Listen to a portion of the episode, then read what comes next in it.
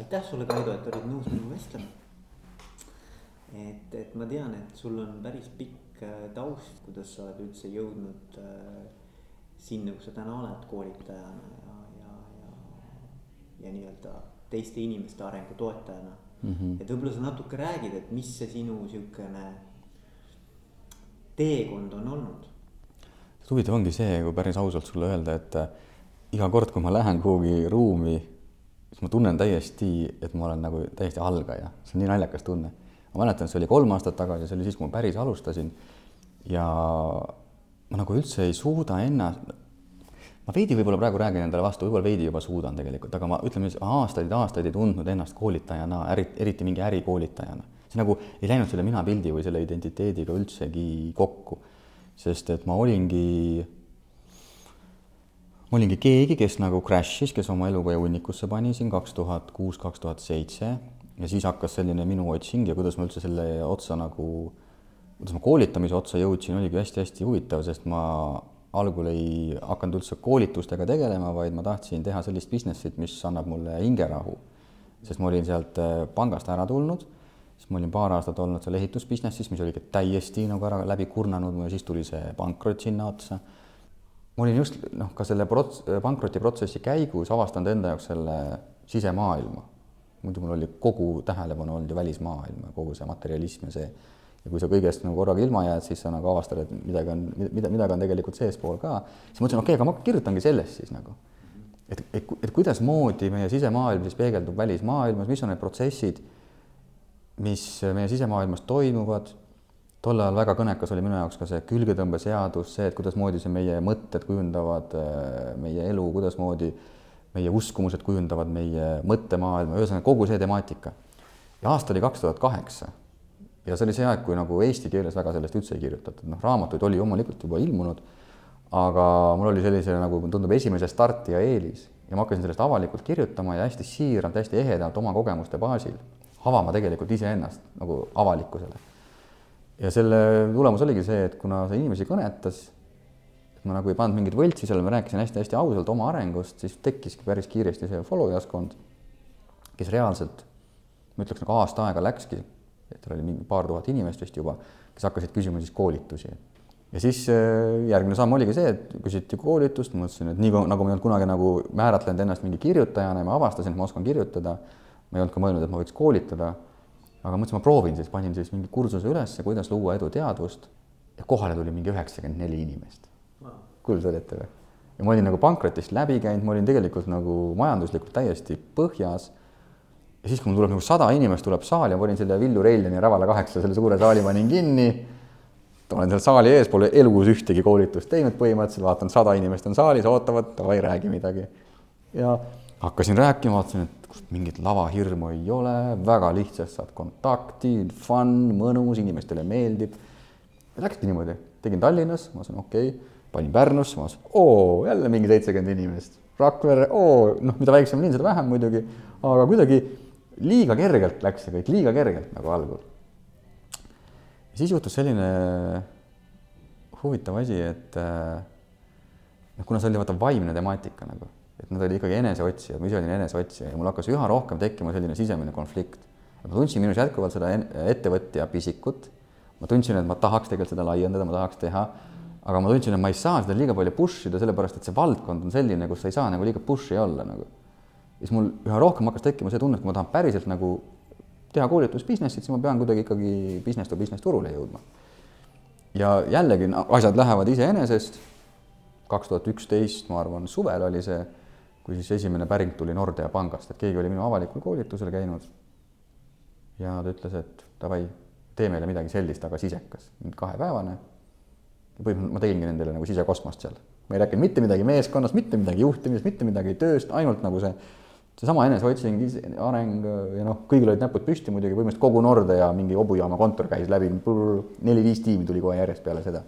ja vot sealt hakkas see sõna minema ja siis mõtlesin, et sisekosmos ka brändina on võib-olla liiga pehme, segadust tekitav, et ma pean mingi uue brändi nagu võtma ja siis kuskil täiesti hommikul vara mäletan, sõitsin mingi seitse kuhugi, motivaator registreerisin ära ja hakkaski minema ja noh, kõik on hästi-hästi nagu spontaanselt läinud kuidagi orgaaniliselt. väga-väga orgaaniliselt, nagu ei ole üht, olnud sellist otsust, et ma olen mõelnud, oh nüüd ma teen nii ma teen naa, loomulikult kogu aeg on mingid nagu pisiotsused.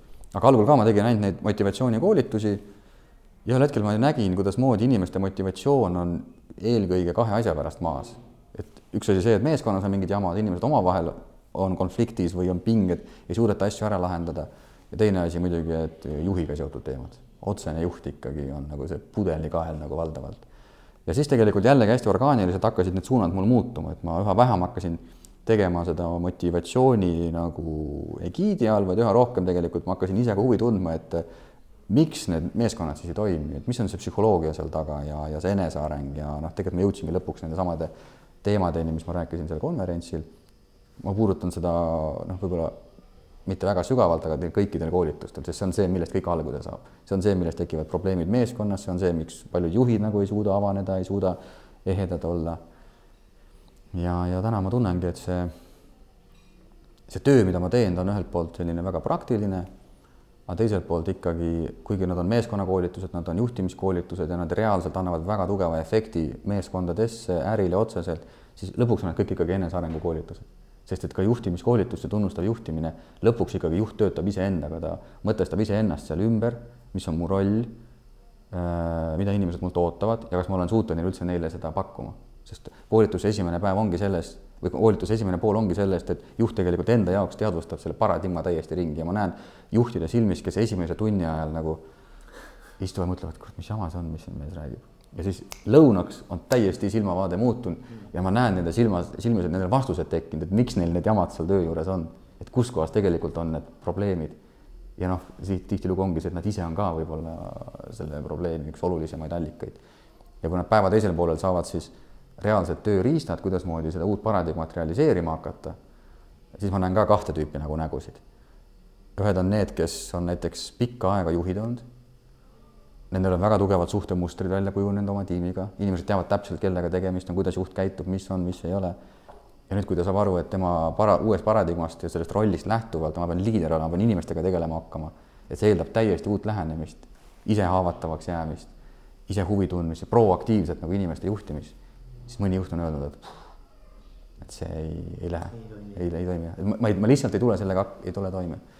ja üks näiteks kaubandusorganisatsioon oligi, no kujutad ette, et sa oled olnud näiteks mingi kaupluse juhataja, ma ei tea, kolmkümmend viis aastat, ETKVL-ist alates.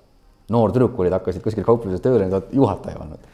ja nüüd otsustatakse, et muudame kauplused ja muudame suuremates kauplustes siis osakonnad müügitiimideks sa ei ole enam juhataja, vaid sa oled müügitiimi juht. ja kujutad ette, sa oled mingi võib-olla juba viiskümmend viis, juhataja olnud kolmkümmend aastat ja nüüd oodatakse sult, et sa oled müügitiimi juht. ja konkreetselt oligi, seda püüti nagu juurutada, aga need juhid ei saanud pointist aru, mida neilt oodatakse, sest keegi ei suutnud neile nagu seda pointi edasi anda, et mis on see roll tegelikult, mida me teilt ootame. ja siis täiesti juhuslikult nad jõudsid nagu minu koolituse otsa ja siis nad algul ka ei teadnud, mida nagu oodata ja ma mäletan hästi, et kui see esimene grupp oli, meil oli mitu gruppi, siis see personalijuht istus nagu seal ruumis, ma nägin, kuidas ta vaikselt nagu hõõrus käsi. keegi tuli ja ütles neile eesti keeles, et mida me nagu tahame teilt, et nagu, mis ongi see roll, et me tahamegi, et sinust saab nagu see liider, et sa ei tegele ainult selle management'iga, aga sa hakkad nagu leadership'iga ka tegelema, et sa võtad selle inimeste juhi rolli. et sa ainult ei hoia nagu tööasjad korras, aga sa hakkad inimestega tegelema. ja oligi, kui me need harjutused ka läbi tegime siis ikkagi paar nagu juhatajat ütles nagu päris ausalt lõpus, et, et mina seda teha küll ei suuda. ja juhtuski, et leiti nooremad inimesed, kes nagu olid valmis selleks äh, rolliks. ja noh, meil nüüd kevadel tuleb ka tõenäoliselt selline järelkohtumine, eks siis paistab, et kuidas neil nagu läinud on. aga ka kui seda vaadata, siis see on jällegi selline juhi isiklik areng, juhi sisemine areng nagu, et kuidas sa juhina nagu muutud ja kui sa ise muutud siis tegelikult muutub ka see keskkond. juhitav keskkond ja need printsiibid, mille kaudu sa juhid, aga lõpptulemus ongi ka ikkagi number, ka rahanumber lõpuks nagu väljendub selles, siis kui tiim muutub efektiivsemaks, ta muutub ühtsemaks, tänu sellele, et sina juhina oled mingid asjad võib-olla enda jaoks lahti mõtestanud, sa oled mingeid asju rohkem hakkad tegema, tänu sellele võib-olla inimesed on valmis sulle rohkem ka vastu pakkuma ja lõpuks see väljendubki väga konkreetsetes numbrites. ja mina nimetan seda selliseks nagu seestpoolt väljapoole juhtimiseks üldjuhul juhitakse väljastpoolt sissepoole, sul on mingi müügimatemaatika, number, klientide arv, töötajate arv ja kuna paradigma on see, et ükski töötaja tegelikult tööl ei taha käia, nad käivad ainult palka teenimas, siis peab olema keegi, kes neid jälgib, kes kamandab, kes hirmutab. ja siis see on nagu juhi roll. aga ma ütleks, selline uus paradigma on see, et sa juhina lood keskkonna, kus kõigil on hea olla, kus inimesed saavad aru, et nad on siin vajalikud. Nad saavad üksteist täiendada, igalühel on see töö, mis talle eelkõige sobib. Ja läbi selle hooliva suhtumise tegelikult inimesed pigem nagu tahavad tulla, et nad teenivad palka ka, aga nad tahavad tulla kliendid tajuvad seda, et okei okay,, siin töötavad inimesed, kes siin tahavad käia ja kui kliendid hakkavad tagasi tulema, siis tegelikult jõutakse nagu rahani ka, noh muidugi see ei ole nii lihtne, nagu ma räägin, aga, aga see idee on nagu, et mõlemat pidi saab läheneda nendele numbritele. ja, ja oma nende juhtimiskoolituste käigus ma tegelikult, see ongi see peamine idee, et see paradigma teistpidi keerata. ja algul on hästi palju skepsist, esimene poolteist tundi ikka on väga-väga palju skepsist, aga päeva lõpuks kõik lähevad ära, tasku on ülesandeid täis ja kõik on valmis tegema ka ja alates, ma ei tea, arstidest kuni metsameesteni välja, kujutad ette aga mis noh, ütleme selles mõttes on väga hea, et, et me jõudsime nagu selle juhtimise juurde, et mm, -hmm. mis nagu sinu hinnangul on nagu juhi põhiroll, et sa natuke nagu rääkisid ka mm, -hmm. et, et võib-olla nagu. et, et kui juhid seda kuulavad, et, et mõelda, et mille eest mulle siis palka makstakse mm. -hmm. või miks peaks keegi minule järgnema üldse mm, -hmm. et, et et see ei ole ju see autoriteet ainult, see ei ole mm -hmm. see positsioon, et see on midagi muud, et mis sinu hinnangul nagu on see juhi põhi mm -hmm. selline nagu väärtus? mina oma koolitustel toon nagu sellise näite, et seda lõpuks seda asja nagu praktilisel tasandil nagu esitada, et et noh, ma toon, toon sellise näite, et on keegi näiteks seal ruumis, juht, ma ütlen talle, okei okay,, oletame, et sa otsustad palgatöölt ära minna, sa hakkad ettevõtjaks ja noh, sul ei ole ühtegi head ideed, aga ma ei tea, kui naisterahvas teeb näiteks juuksurisalongi, kui meesterahvas teeb, ma ei tea, autotöökoja. ja tal on algul kaks või kolm klienti. üks töökaaslane, ma ei tea, isa ja sõber ja põhimõtteliselt tunneb, et noh, mul on siin kolm head klienti, ma tahan nendele anda tegelikult, ma tahan anda, et neil on korras auto näiteks ma tahan tunda, anda ka seda, et nad lähevad ära, nad tunnevad, nende väärikus on säilinud, sest üldjuhul, kui me autotöökojast lahkume, siis meil nagu väga, väga palju meie väärikust ei ole nagu alles, sest see teenindus, mis me ikkagi valdavalt saame, ei ole väga hea. niisiis, sina võtad nagu eesmärgiks, et, et sa annad oma klientidele siis korras auto ja hea teeninduse. ja nüüd see sõna hakkab levima ja aasta aega hiljem sul ei ole kolm klienti seal töökojas või juuksuris, vaid näiteks kolmkümmend. ja sa tunned, et vau wow,, et ma ei tule selle kolmekümnega enam hak-, ei toime, et mul on vaja inimesi, kes mulle appi tulevad. ja nüüd see on see koht, kus kohas nagu niinimetatud FIE-st saab ettevõtja või juht, sest sa võtad nüüd enda ümber näiteks kolm inimest ja mis on sinu sõnum nendele inimestele? sa ütled seda, kuulge sõbrad, ma olen aasta aega siin vaata teinud seda business'it ja minu nagu see idee on olnud see, et ma tahan inimestele anda võimalikult hea auto, korras auto, aga ka selle hea tunde, et nad siit lahkuvad. ja ma palun, et teie jätkaksite seda, et te annaksite seda head tunnet ja head teenindust. ja nüüd on võtmekoht, et teie öelge mulle juhina, mida mina saan teile anda, et te saaksite seda teha, mis iganes see on. kui need on töövahendid, on töövahendid. kui see on rohkem tähelepanu, tähelepanu, kui see on avatus, avatus. kui see on rohkem kaasatust, olgu, olgu see kaasatus. ärge hoidke ennast tagasi ja ärge kunagi mõelge, et äkki ma ei saa sulle tulla ja öelda seda, sellepärast äkki sa solvud, äkki sa võtad seda isiklikult, et ei, mina tahan, et mu kolmkümmend klienti oleksid õnnelikud ja ma tahan, et teie tunneksite, et te tahate nendele anda, mitte et te pea andma, vaid te tahate anda. ja selleks tulge öelge mulle, mida ma saan omalt poolt teile anda. ja vaata, see muudab selle juhtimisparadigma täiesti ära, sest üldjuhul töötajad peavad tundma, et mul on juhti vaja, sest juht võtab mu tööle, juht maksab mulle palka, aga see on uus paradigma, juht tunneb, et mul on tegelikult neid töötajaid vaja, sest ma ei tule üksinda toime. Ja sa võid seda mingis suures organisatsioonis samamoodi teadvustada, et kui ühel hommikul mu töötajad päriselt tööle ei tuleks ja HR-osakond mulle uusi inimesi ei leia näiteks, ma olen ikka päris nagu plindris. ja siis ma võin esimest korda võib-olla helistada alandlikult oma töötajatele, küsin, no, no kuule, äkki saate tulla. sest et sa tunned esimest korda, et sa vajad neid. aga millal oli viimane kord, kui sa ütlesid oma töötajatele, kuulge, aitäh, et te tööle tulite või mul on tõesti hea meel, et te olete siin olemas. ja see ei ole sõnakõlks, vaid ma päriselt ka tunnen, et ma vajan teid. ja vaata, mina usungi, et see, kui sa küsid, mis on nagu rollid, seal ongi kaks väga konkreetset rolli. ongi see protsesside roll paratamatult sul on juhina eesmärgid, sa pead olema see, kes need eesmärgid ellu viib, aga sa saad seda teha ainult inimeste kas kaudu või inimeste abil. aga kui me vaatame ühte, vähemalt nagu kui ma oma igapäevaseid nagu keskastme juhte vaatan, siis on ikka väga-väga tugevalt kaldu sinna protsesside poolele ja inimesed on jäänud tahaplaanile.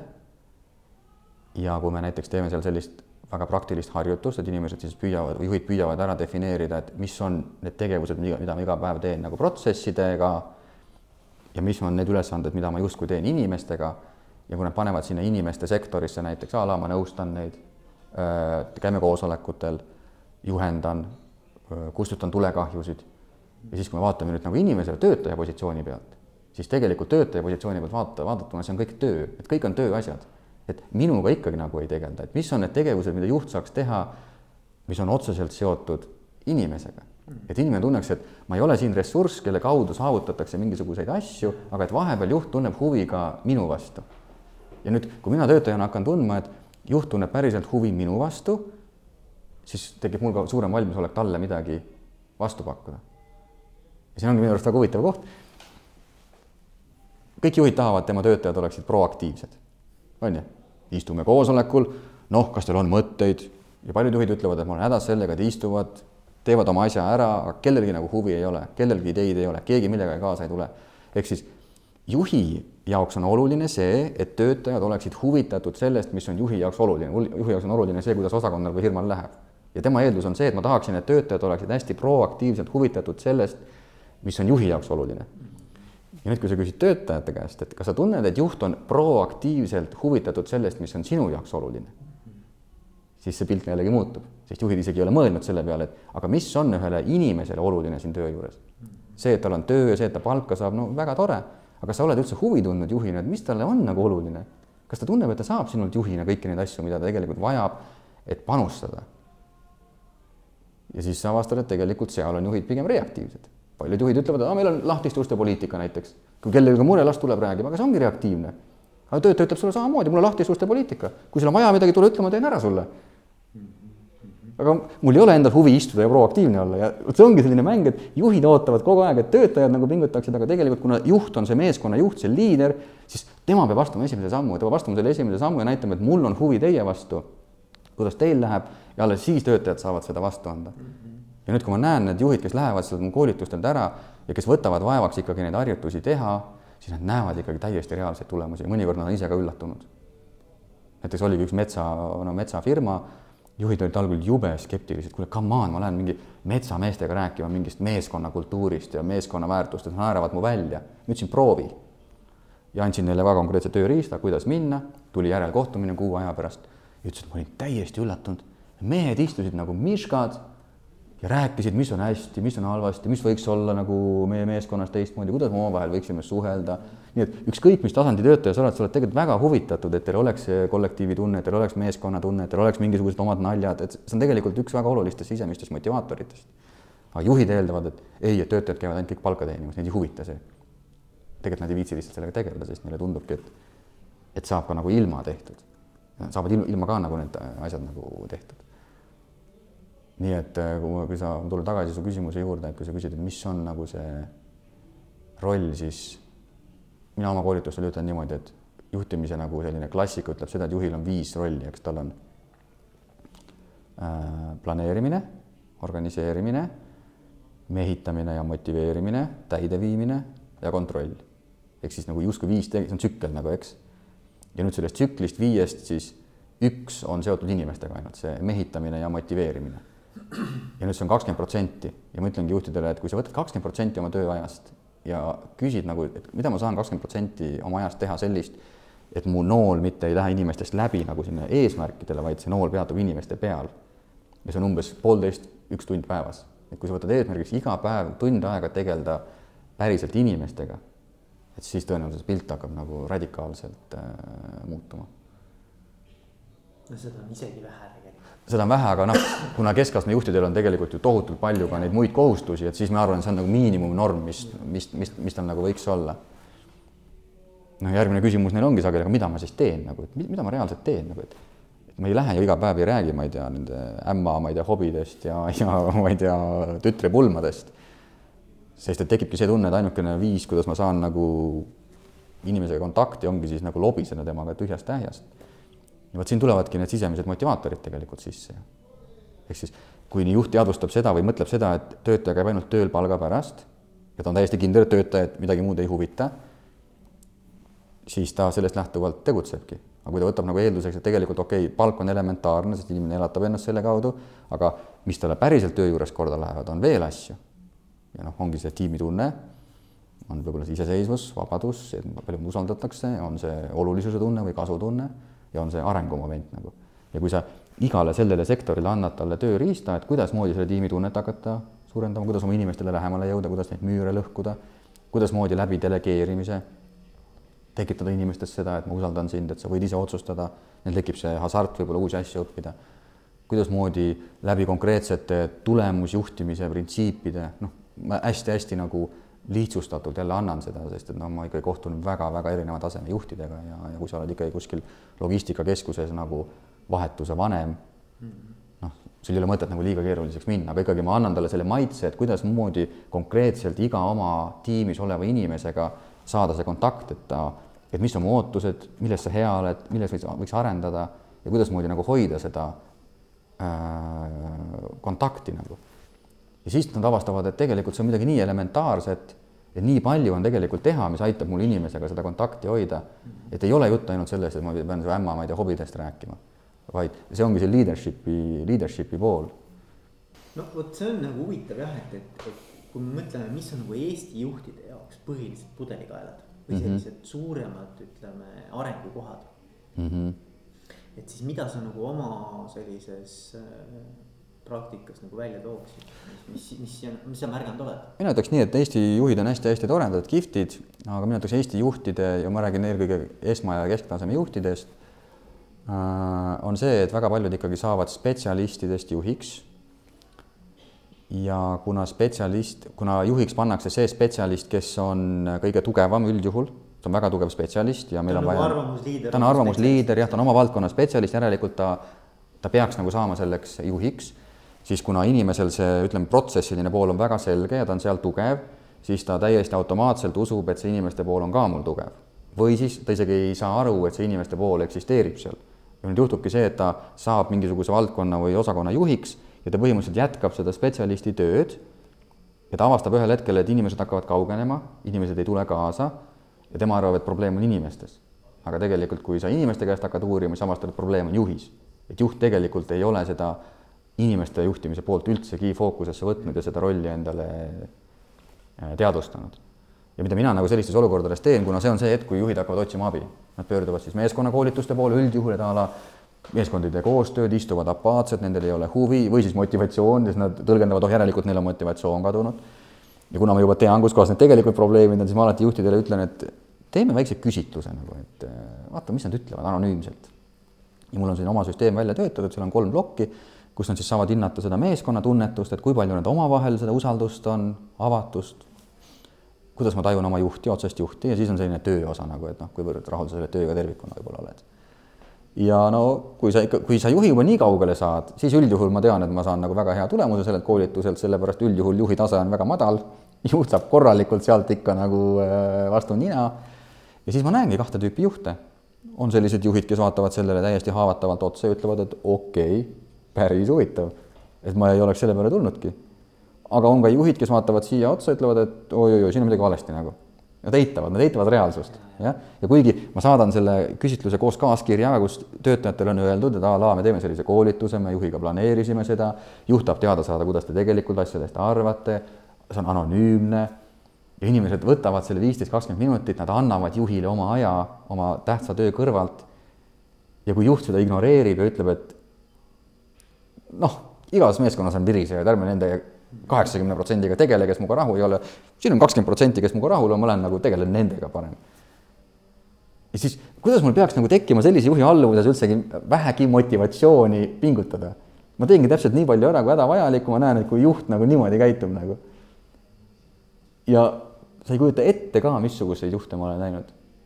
ja ma olen nagu läinud ära ja olengi istunud autosse ja mõtlenud, et jube ikka, kuidas inimesed seal töötavad, nagu et kuidas nad ikka saavad päriselt töötada. ja mina nimetan seda pimeda juhi sündroomiks. see on nagu pimeda juhi sündroom. ta arvab, et probleemid on kuskil mujal, kui tegelikult probleemid on temas endas.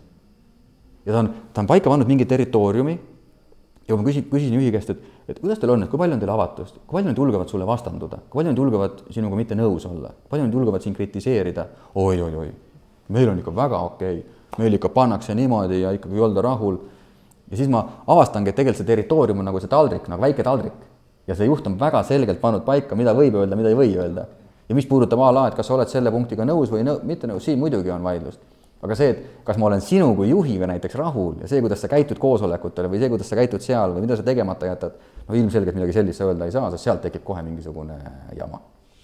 ja kuni selleni välja, et oli ühes ettevõttes juht, kellel oli noh, kõige hullem case, mida ma üldse näinud olen, totaalne pime juhi, pimeda juhi sündroom.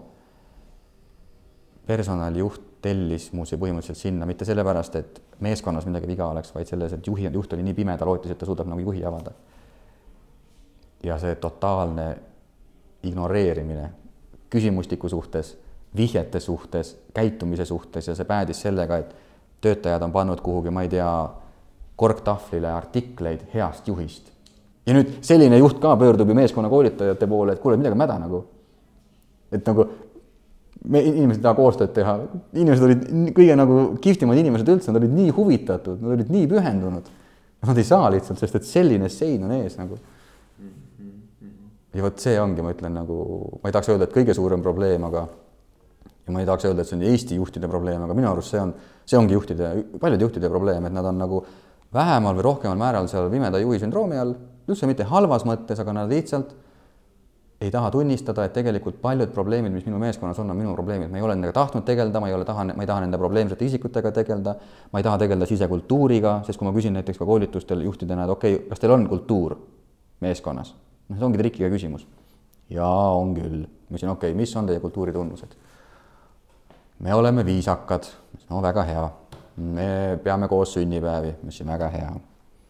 Me käime, meil on suvepäevad, ütleme väga hea ja ma ütlen, et üheksakümne üheksal protsendil juhtudest mitte ükski juht ei ütle mitte ühtegi negatiivset asja. ja ma küsin, okei okay,, kas teil näiteks äh, hilinemisega on probleeme? jaa, on. ma ütlesin, aga kas sa arvad, et see ei ole teie osa kultuurist või? on. kas see, et tähtaegadest mõnikord ei peeta kinni? oo, juhtub, oi, väga palju. see on ka osa teie kultuurist. ja põhimõtteliselt ma püüan neile näidata, et tegelikult kultuur ei ole mingisugune müstiline, ma ei tea, ükssarvik, et a la see on kultuur ja siis meil on see jalgpall, jalgpallilauad siin, vaid põhimõtteliselt kultuur on kõik, mida te siin koos teete ja sina oled lasknud sellele kultuurile ju selliseks kujuneda. sina oled ju vastutav selle kultuuri eest, sina ei tee, sina, sa ei, sa ei võta nagu vastutust selle eest. ja nüüd see on see koht, aga see, see, see ei ole Eesti probleem, sest mingi üks uuring näitas kuskil, ma ei mäleta, Ameerikas või kuskil tehti et, et üheksakümmend kolm protsenti juhtidest uskus, et nad on kümne protsendi parimate juhtide hulgas ja kujutan ette, kus see on, nagu ma nimetan seda juhtide kognitiivseks dissonantsiks. üheksakümmend, oleks, ma ei tea, nelikümmend või viiskümmend, aga üheksakümmend viis protsenti usub, et nad on maailma kõige paremad juhid. ja kui sa usud, et sa oled maailma parim juht, miks sa ennast täiendama peaksid? miks sa peaksid ennast koolitama, miks sa peaksid huvi tundma, kuidas töötajad sinust arvavad, sest sa oled jumala veendunud, et sa oled ju väga-väga hea. ja muidugi see ongi ainuke probleem, et nii kui neil silmad avanevad ja ma näen oma koolitustel, nad muutuvad nii nunnudeks, neil tekib huvi mõtlevad kaasa, nad saavad aru, nad hakkavad rääkima, nad võtavad koduseid ülesandeid ja võtavad endale, annavad lubadusi, mida ma nüüd teen. ja üldjuhul on lubadus, ma ütlen nagu vähemalt seitsekümmend protsenti juhtudest on see, et ma pean looma tunnustamise süsteemi. väga tihti valitakse seda, et ma äh, pean välja uurima, mida nad minust juhist arvavad, ma ei ole mitte kunagi selle vastu huvi tundnud. ja siis sa näed, kui haavatavaks nad muutuvad, sest nad saavad aru, et tegelikult kõik need jamad, mis seal on, on nende jamad. mitte see, et töötajad on halvad ja töötajad neile vastu töötaksid, aga töötajad on juba lootuse kaotanud lihtsalt mm. Vot see on see väike nõks, mis tuleb lihtsalt äh, juhina ette võtta ja ma olen näinud ikka väga kihvte muutusi ka, kuidasmoodi kõige suuremad vastutöötajad üleöö muutuvad pühendunuks, kui nad näevad, et juht muutub, et juht muutub nagu haavatavaks. mul on konkreetseid näiteid. see on väga kihvt muidugi jah, sest et üldiselt ju peetakse neid inimesi pigem selliseks äh, noh, pain in the ass mm, -hmm, eks mm -hmm. ole, et nendest tuleb lahti saada et aga, aga kui see juht tõesti suudab oma käitumisega ka keskkonnas või siis ütleme oma tiimis. Ja. Nende liikmete hulgas muutuse esile kutsuda, see on nagu väga-väga kihvt. väga, no konkreetne näide oligi, tuli üks inimene mu avalikule koolitusele. aga ta tegi selle läbi, ta oli väga rahul, aga ta kirjutas, ütles, et ma ei, ma ei suuda seda ellu viia, mul on liiga kaugele see asi läinud ja ma ei saa aru, mis värk on. mul on vaja tegelikult saada meeskonnaga kokku, teha üks meeskonnapäev. Davai, ma ütlesin, küsitlus kohustuslik, sest on vaja aru saada, kus on tegelik probleem, et see, mida sina tajud probleemina, tõenäoliselt ei ole see probleem.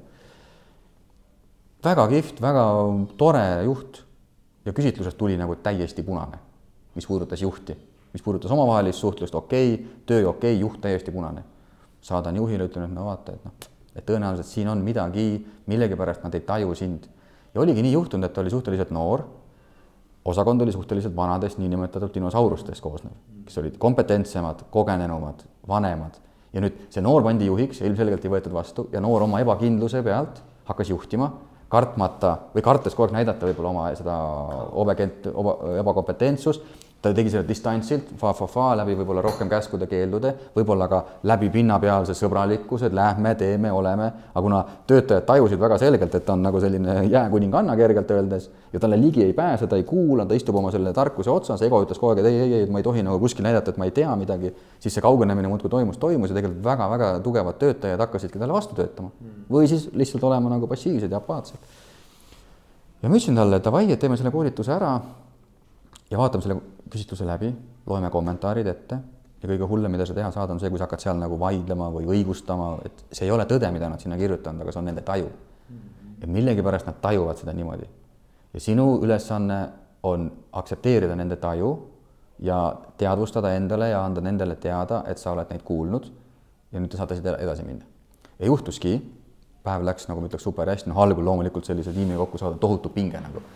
aga noh, üldjuhul saan nad nagu lahti ja päeva teisele poole tegime neid kokkuleppeid juba, et kuidasmoodi selle kultuuri siis ühtsemaks saada. Äh, lugesime selle küsitluse ette, lugesime ka kommentaarid ette, mis olid ikka mõnedest väga-väga vaenulikud juhi suhtes ja ma nägin, kuidas juht oli seal nurgas, maksakad tulid nagu, aga ta jäi kohale täielikult. ja mida ta siis tegi päeva lõpus kõigepealt tänas ja ma ütlesin talle ka pärast, et parim, mida sa teha saad, on nüüd vaata, väga erinev asi on see, et kas koolitaja on klassi ees või koolitajat ei ole klassi ees, dünaamika on täiesti erinev ju, jah ja ma ütlesin, okei okay,, et nüüd sa pead minema ja tegema nädala jooksul, aga veel parem kahe päeva jooksul koosoleku, kus sa kutsud kogu selle kamba kokku ja ütled neile siis sellise asja, et kõigepealt tänad siiralt, et nad selle ausa tagasiside andsid ja ta ütleski, et suur aitäh teile, et see oli minu jaoks väga-väga valus kuulda, sest ma luban teile, et ma olen see pool aastat püüdnud hea juht olla, oma parimatest kavatsustest lähtuvalt olen püüdnud kõike teha, aga ma saan aru, et ma olen tegelikult mööda pannud. ja mul on siiralt hea meel, et te lõpuks selle mulle välja ütlesite ja tõenäoliselt ei ole ka varem selle saanud välja öelda, sest ma ei ole selle vastu huvi tundnud, aga nüüd ma tean, kus ma olen, ma tean, kus meie oleme ja me saame siit koos edasi minna. ja see oli täiesti game changer nagu. ma helistasin kolm nädalat hiljem sellele, küsisin, kuidas läinud, ta ütles, et ainult ühe asja, ma ei oleks elus uskunud, et haavatavus võib nii suur tööriist olla. ta ütles, et samad kaks kõige suuremat vastutöötajat on täiesti muutunud, mõtlevad kaasa, töötavad kaasa, tulevad kaasa, sest neil lõpuks tekkis lootus nagu et okei okay,, et noh, oli, oli, inimene sai aru, et lähme nüüd siit edasi, et me saame tegelikult eh, koostööd teha. aga kui juht oleks eitanud seal koolitusel, et oleks ütelnud, et oi, ei, ei, ei, noh, mul kindlasti midagi viga ei ole, et noh, tegeleme ikkagi teie probleemidega, siis see asi oleks tõenäoliselt nagu kuristikku lennanud. nii et see on see, see koht, kus inimene nagu on nii, ma ütleks nagu sisemiselt nii tugev, et ta julgeb tunnistada, et ma võin väliselt teha vigu selles rollis, kus ma olen, ma võin juhi rollis vigu teha, me teeme isa rollis vigu, ma teen igal rollides teeme alati vigu.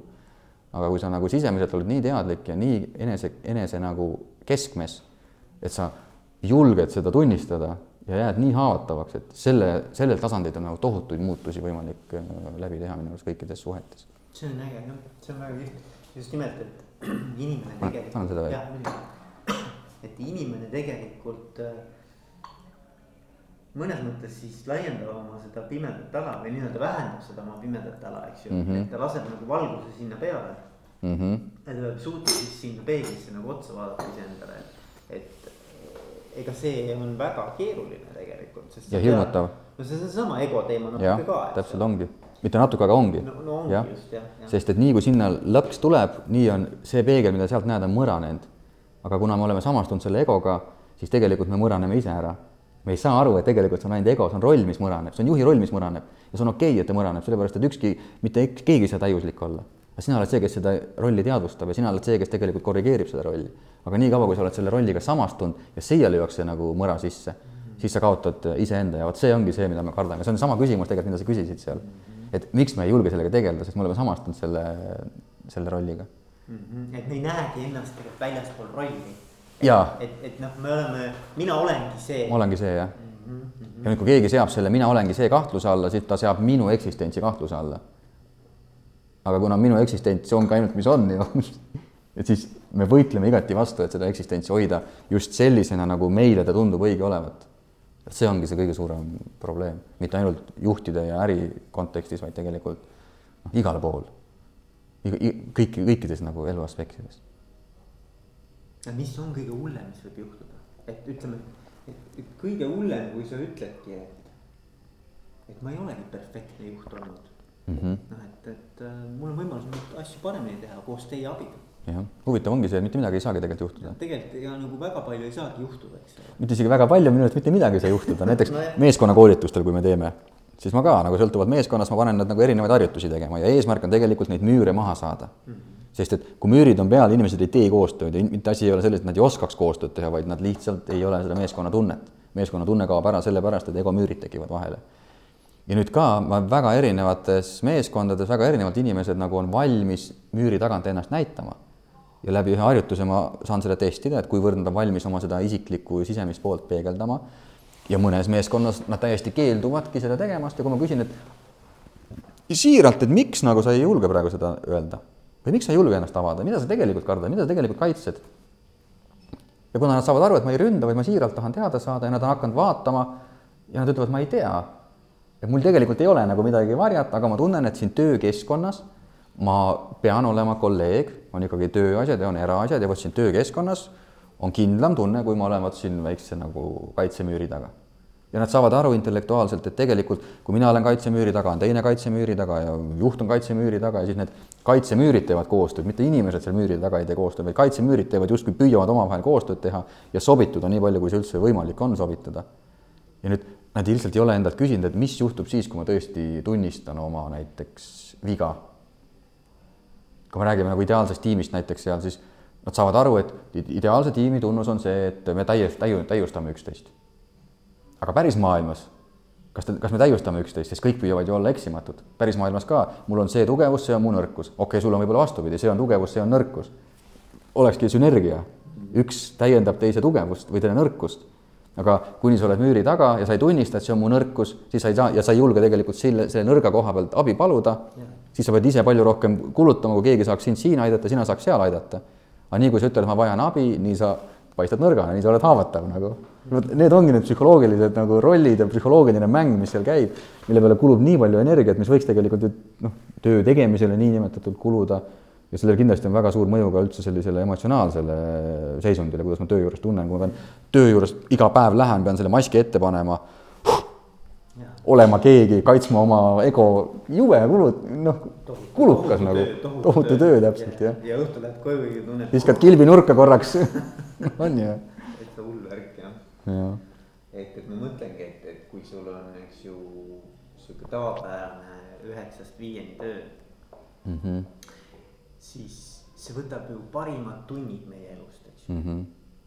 ja, ja siis olla sellel ajal mm -hmm. ise ka veel nagu, nagu mhm. musendatud või et sa nagu tunned ennast halvasti või sa pead kogu aeg kedagi ja. mängima, eks ole. et siis see, see, ma arvan, see on päris nagu nukker, nukker viis elu elada tead, see on see, millega ma absoluutselt kõiki oma koolitusi alustan. ükskõik, kas on juhtide koolitus või on meeskonnakoolitus või on enesearengu koolitus, siis ma näitangi täpselt seda, need on need nelikümmend kõige väärtuslikumat aastat sest kuni kahekümne viienda eluaastani oli selline nagu juunioriga, me valmistasime ette ennast, peale kuutekümmet viite on seenioriga, siis me juba nagu on selline järelemõtlemise aeg. aga kõik inimesed, kes tööl on, on siin üldjuhul kahekümne viie ja kuuekümne viie vahel, see on see aeg, kui me tegelikult tahtsime oma unistused ellu viia, me tahtsime kõik asjad ära teha. aga nüüd me istume üheksast viieni siin nagu. Sa kõige oma väärtuslikuma, hinnalisema aja istud tööl ja nüüd statistika näitab, näiteks eelmine aasta näitas, et ainult seitse protsenti eestlastest ütles, et tal on hea töö.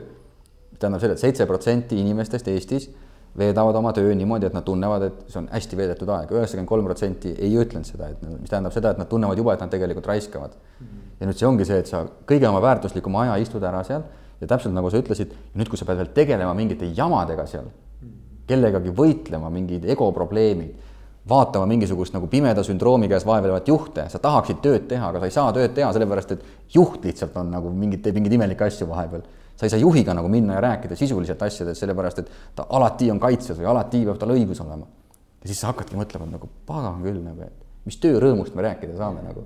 ja see töörõõm hakkabki ära kaduma ja siis ta muutubki lihtsalt tööl käimiseks. käid ära, saad oma palga kätte, maksad oma arved ära. ja juhid samal ajal istuvad, mõtlevad, et töötajad on nii laisad nagu, et nagu ei pinguta ja ei mõtle kaasa ja ütlen, kuna mina olen nagu mõlemat poolt nagu ma näen juhtide poolt ja ma näen ka töötajate poolt, siis mul on nii hea pilt kujunenud nagu. ja püüan nii palju aidata kui võimalik, aga ma ütleks et, et kaheksakümmend protsenti juhtidest, isegi peale meeskonnakoolitusi ma annan neile üldjuhul väga-väga konkreetsed juhised. tee niimoodi, tee niimoodi, tee niimoodi, kaheksakümmend protsenti juhtidest mitte midagi ei tee.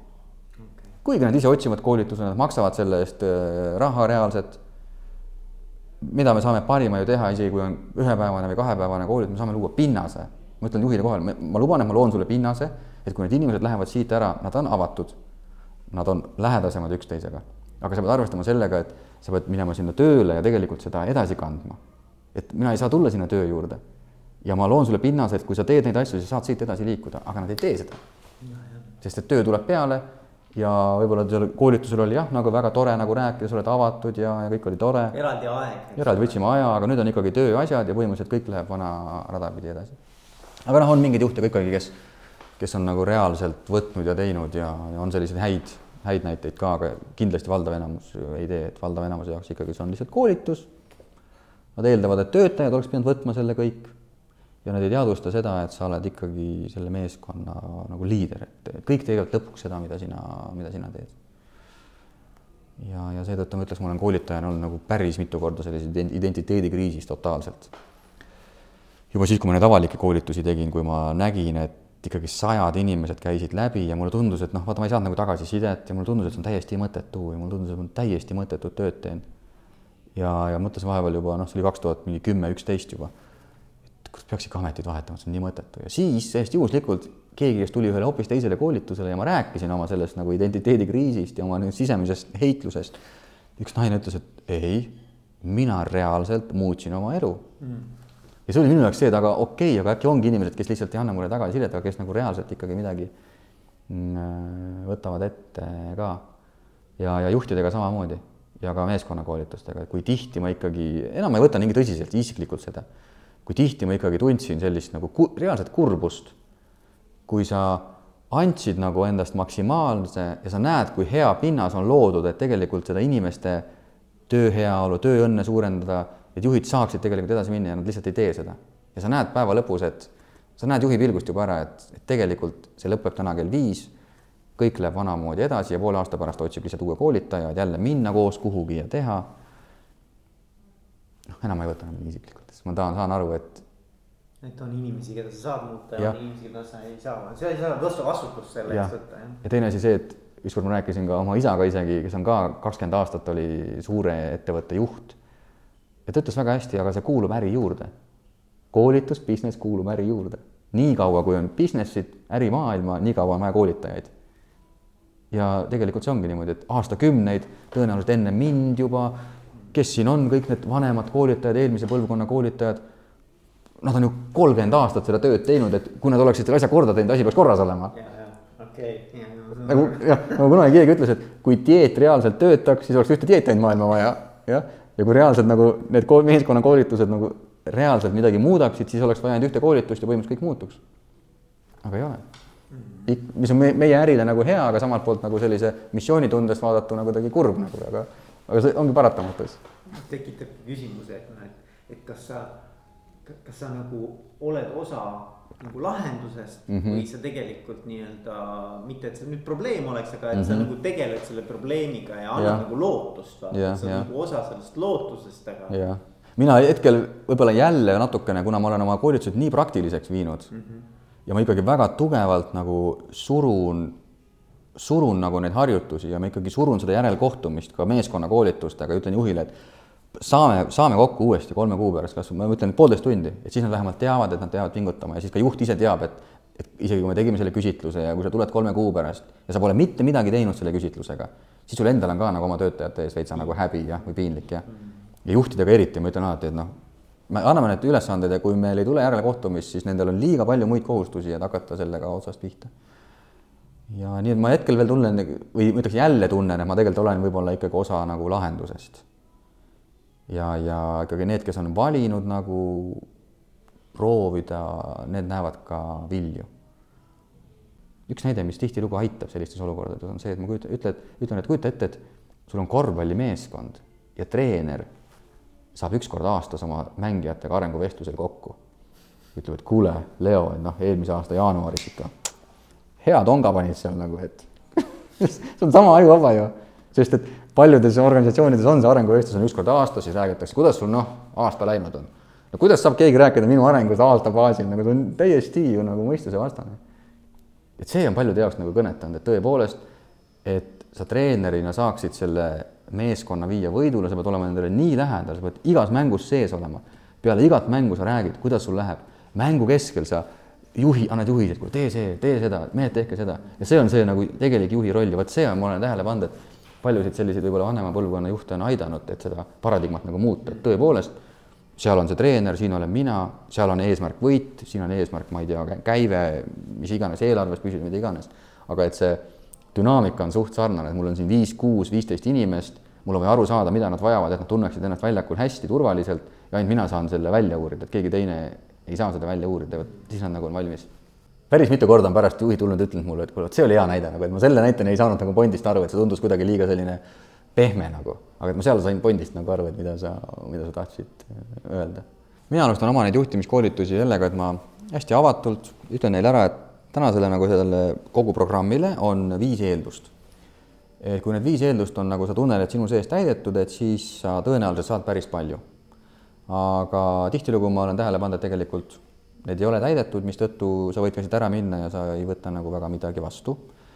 Need viis eeldust, ma ei mäleta nüüd täpselt peast, mis mul seal on, aga need on, et äh, ühelt poolt sa oled valmis päriselt peeglisse vaatama, see on number üks, seesama peegliefekt. teine asi on see, et sa päriselt hoolid nendest inimestest, keda sa juhid, keda sa oma meeskonnaks pead, et sa ei hooli nendest kui niinimetatud tööjõust, mida sa vajad, vaid sa hoolid sellest inimesest seal tööjõu taga, et see on nagu tingimus number kaks.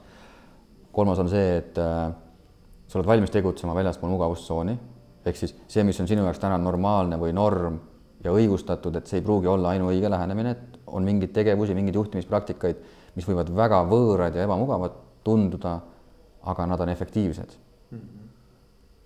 neljas on see, et sa usud, et kõik, mis sinu tiimis toimub, on sinu, sinu, sinu probleem.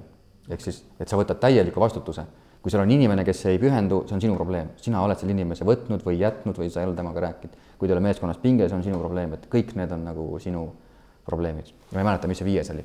ühesõnaga, minu arust see ongi see, et iga inimene peab lõpuks nagu otsustama, et kas ma, mitte et kas ma sobin juhiks, vaid kas ma tahan juhiks saada. ja kas ma tahan nagu inimeste juht olla.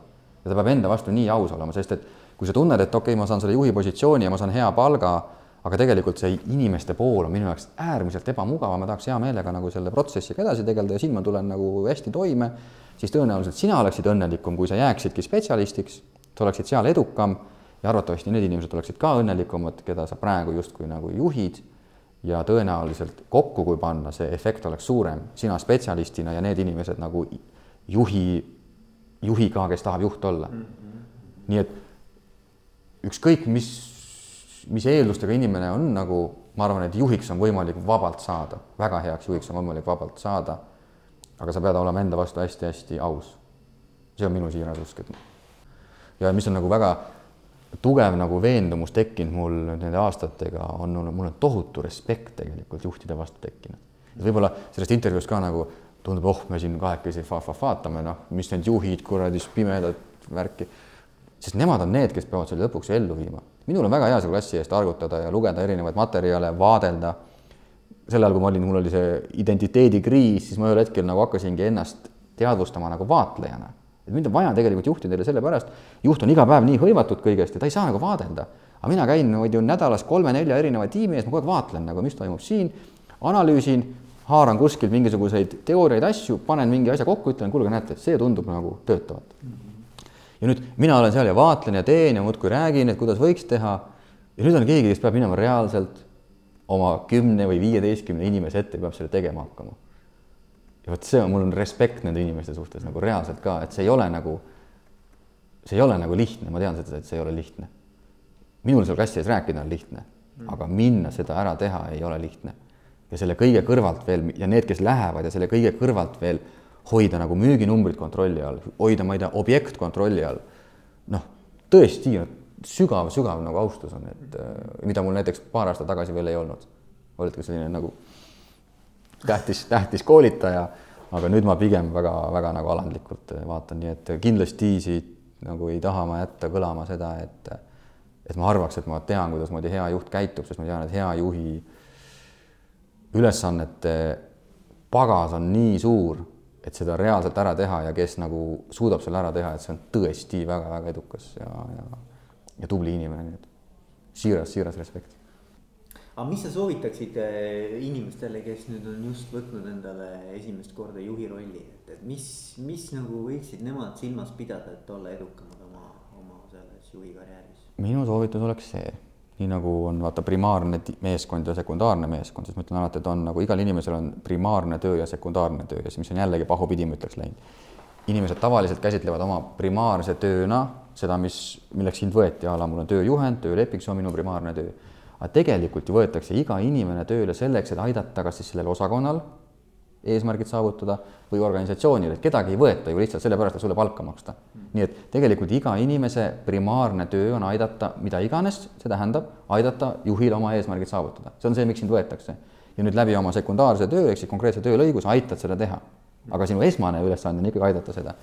ja noh, minu arust see ongi see, mida juht peaks nagu aluseks võtma, kui ta saab uuesti juhi, uueks juhiks näiteks, siis ta peakski lähtuma sellest samast nagu lihtsakoelisest autotöökoja näitest, mida ma ennem nagu tõin ja ütlemagi, et näete, et noh mina olen juhtumisi saanud selleks juhiks, ei tähenda seda, et ma kõige nutikam, kõige targem olen ja ma vajan teid, just rõhuasetus on sõnal vaja, ma vajan teid, et see kõik ellu viia. ja me ei tea, kui libedalt meil läheb, meil on vaja koos sinna jõuda. ma olen siin selleks, et anda teile kõik, et me saaksime koos sinna jõuda ja ma tahan, et te teaksite sada protsenti, et te võite mulle tulla öelda, kui ma teen midagi valesti või ei tee midagi piisavalt, et tulge, andke mulle tagasisidet, et ma ma ei, ma ei, ma usun siiralt, et ei tee seda mitte sellepärast, et mulle nagu ära panna, vaid sellepärast, et te olete aru saanud, et nii see ei tööta, sest mina võin ka mõnikord pime olla. ja vot, kui sa nii haavatavalt lähed sama tõmbad nagu rinna valjaks, ütled, et ma olen selline, nagu olen, mul ei ole ideaalne ja kui ma teen vigu, tulge öelge mulle ja lubage mul ka öelda teile, kui ma näen, et te võib-olla ise teete vigu ja püüame seda niimoodi ühtsena nagu sisse viia. ja vot, kui sa sellise ilukõne suudad nagu teha päris alguses ära ja anda inimestele päriselt see tunne, et kõik on okei okay vaidlused on okei okay,, mittenõustumine on okei okay,, täpselt mida Lentsiooni tegelikult ju äh, räägib. sest palju hullem on see, kui sa ei saa asju välja öelda, on ju. et sa ei pea, kõik ei pea alati sinuga nõus olema, aga kõige hullem on see, kui sa ei saa välja öelda, sest sa kardad, et keegi võtab isiklikult, kohe läheb konflikti. saad välja ära öelda, räägitakse läbi, vaieldakse läbi, siis okei okay,, noh, davai. no selge, teeme seekord nii, nagu grupp otsustab. vot see ongi see, mida, mis tunde peab juht tekitama, et, et see usaldus oleks nii kõrge, et mis iganes, räägime asjadest et ärme jäta mitte kuhugi mitte midagi nagu mädanema, et hakkab oma elu elama ja siis mina ei tea, mis asjad on, teie ei tea, mis asjad on, vaid me teame, kuhu meil on vaja koos jõuda, igalühel on oma töölõik, mis aitab meil koos sinna jõuda, anname endast maksimaalse, et siis koos sinna jõuda. mina soovitaks nagu sedasama asja tegelikult, mida ma siis soovitan juhtidele peale koolitust alati teha. et minna ja näidata oma seda siirast huvi ja siirast haavatavust kaotada ära see tunne inimestes, et te olete minu alluvad, te peate tegema neid asju, muidu te jääte tööst ilma, see on sinu töö. noh, see ei tööta lihtsalt nagu. siis sa saadki täpselt selle tagasi ka. mina oma koolitustel, vaata muidu juhtimise definitsioon on see, et juhtimine tähendab eesmärkide saavutamist inimeste kaudu, on üks definitsioonidest. ütleme niimoodi, et siis poole päeva peal, enne kui me harjutuste juurde läheme, me jõuame täiesti uue definitsioonini, mis ütleb seda, et juhtimine tähendab oma inimeste sisemiste vajaduste väljaselgitamist ja nendega teadlikku tegelemist, et tekitada inimeses tunne, tahan seda tööd selles ettevõttes selle juhi alluvuses teha.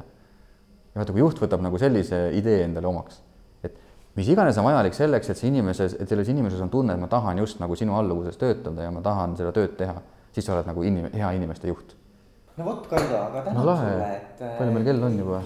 aeg on lendanud või? jaa